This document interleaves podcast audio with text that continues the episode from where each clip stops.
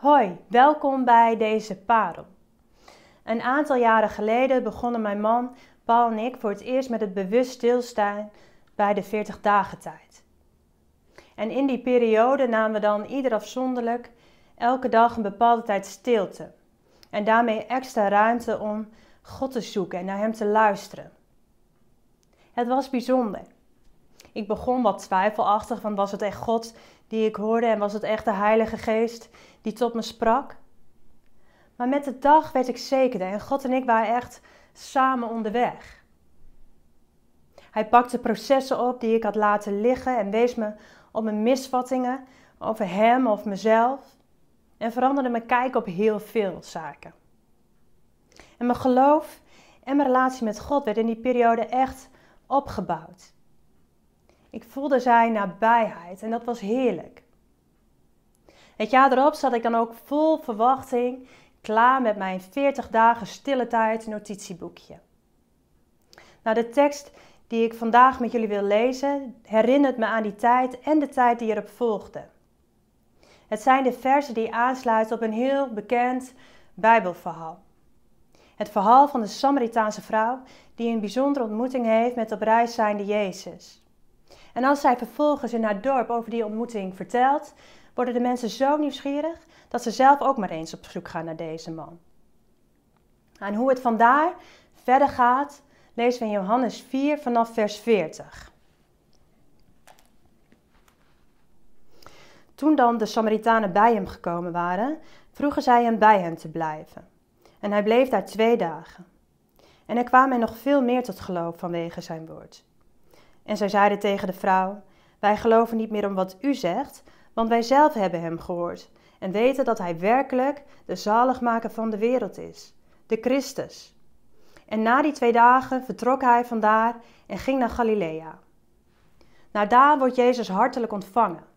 Want de Galileërs hebben het eerste en enige wonder van Jezus tot dusver meegemaakt. Op een bruiloft veranderde hij water in wijn en deze Galileërs waren vast benieuwd wat Jezus nu voor ze in petto had. Ik lees verder vanaf de tweede helft van vers 46. En er was een zekere koninklijke hoveling, wiens zoon ziek lag in Capernaum. Toen deze hoorde dat Jezus uit Judea en Galilea was gekomen, ging hij naar hem toe en vroeg hem te komen en zijn zoon gezond te maken, want hij lag op sterven. Jezus dan zei tegen hem: Als u geen tekenen en wonderen ziet, zult u beslist niet geloven. De koninklijke hoveling zei tegen hem: Heer, kom, voordat mijn kind sterft. Jezus zei tegen hem: Ga heen, uw zoon leeft. En de man geloofde het woord dat Jezus tegen hem zei en ging heen. Nou, eerst naar de Samaritanen. Als ze horen over deze Jezus, worden ze nieuwsgierig. En het mooie is dat ze niet alleen met elkaar blijven kletsen over hem, maar dat ze actief gaan zoeken. Ze zorgen ervoor dat ze zelf in zijn nabijheid komen. En die ontmoeting met Jezus zorgt ervoor dat ze niet lang alleen geloven wat de vrouw zegt, maar hun eigen geloof is opgebouwd en gegroeid. Ik vraag me af of wij dezelfde of nog dezelfde gretigheid hebben. Of onze dorst en onze honger nog groot genoeg is om actie te ondernemen. Wij mogen ook in beweging komen, zodat we steeds dichter bij Hem komen en Hem steeds beter leren kennen. En als je niet weet waar je Hem vinden kunt, zoek dan iemand die dat wel weet.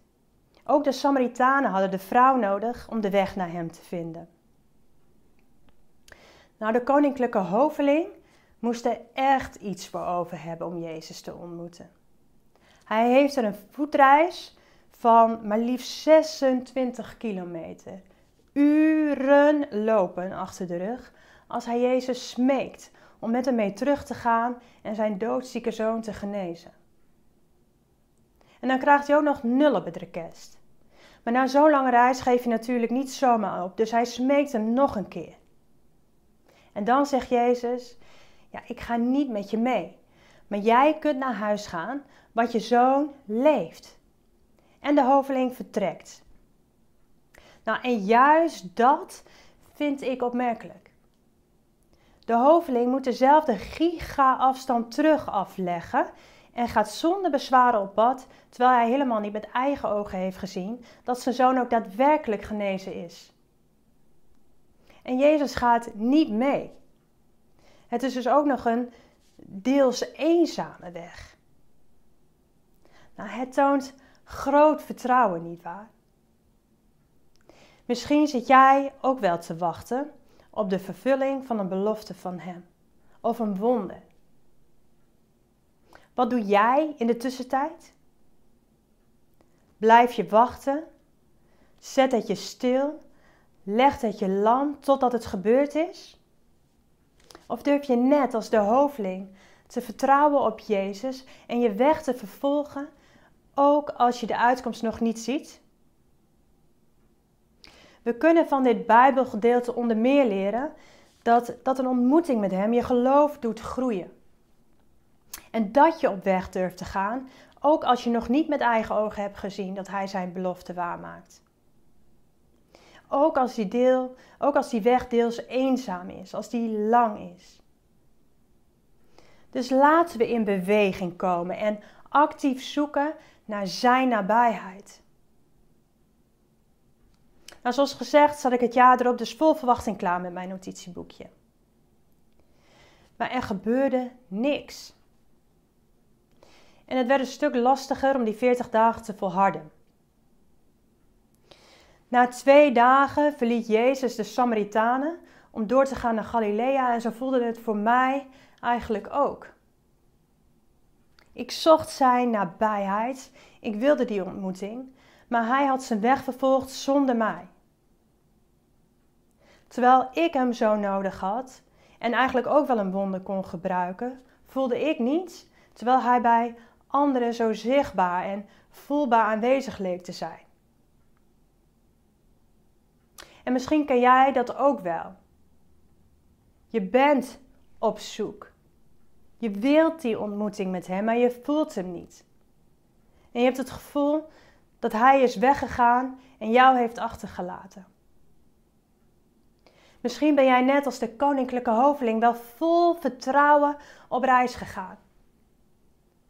Maar hoe langer de reis duurt en hoe moeilijker begaanbaar de weg wordt, des te meer je bent gaan twijfelen aan Hem of Zijn belofte.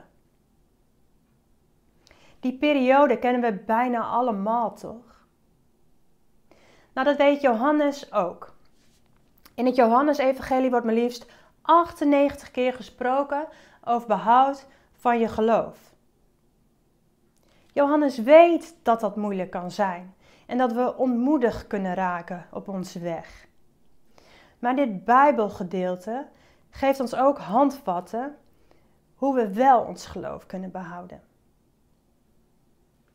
De Samaritanen en de hoveling hadden simpelweg die ontmoeting met Jezus. Zij moesten letterlijk afscheid van hem nemen en dan bleef de Heilige Geest ook nog niet eens bij ze achter. En bij de Samaritanen wordt niet eens wat geschreven over spectaculaire genezingen of wonderen. Het lijkt erop dat ook zij slechts die ontmoeting als houvast hadden. Ook wij mogen in tijden dat Hij afwezig voelt, vasthouden en terugblikken op die eerdere ontmoetingen die wij met Jezus hadden. Het Bijbelgedeelte leert ons nog iets. Vers 41 en 42 zegt: En er kwamen nog veel meer tot geloof vanwege zijn woord. En vers 50 zegt: De hoveling geloofde het woord dat Jezus zei en ging heen. Het was het woord van Jezus. Op zijn woord werd het geloof van de Samaritanen gebouwd en het was zijn woord waarop de hoveling zijn vertrouwen stelde. Jezus wil geen geloof dat continu gevoed moet worden door wonderen en tekenen. Dat is oppervlakkig geloof, leert onder meer vers 48. Het is het woord dat het diepe geloof en vertrouwen brengt. Wij hebben het woord in handen. En elke keer dat we het woord induiken, ontmoeten we Jezus opnieuw. En als we het woord kennen, zullen we de God die we aanbidden kennen. Hij herinnert ons steeds in zijn woord aan de belofte voor ons. In het begin was het woord. En het woord was bij God. En het woord was God. Het was in het begin bij God. Alles is erdoor ontstaan en zonder dit is niets ontstaan van wat bestaat. In het woord was leven en het leven was het licht voor de mensen. Het licht scheen in de duisternis en de duisternis heeft het niet in haar macht gekregen. Amen.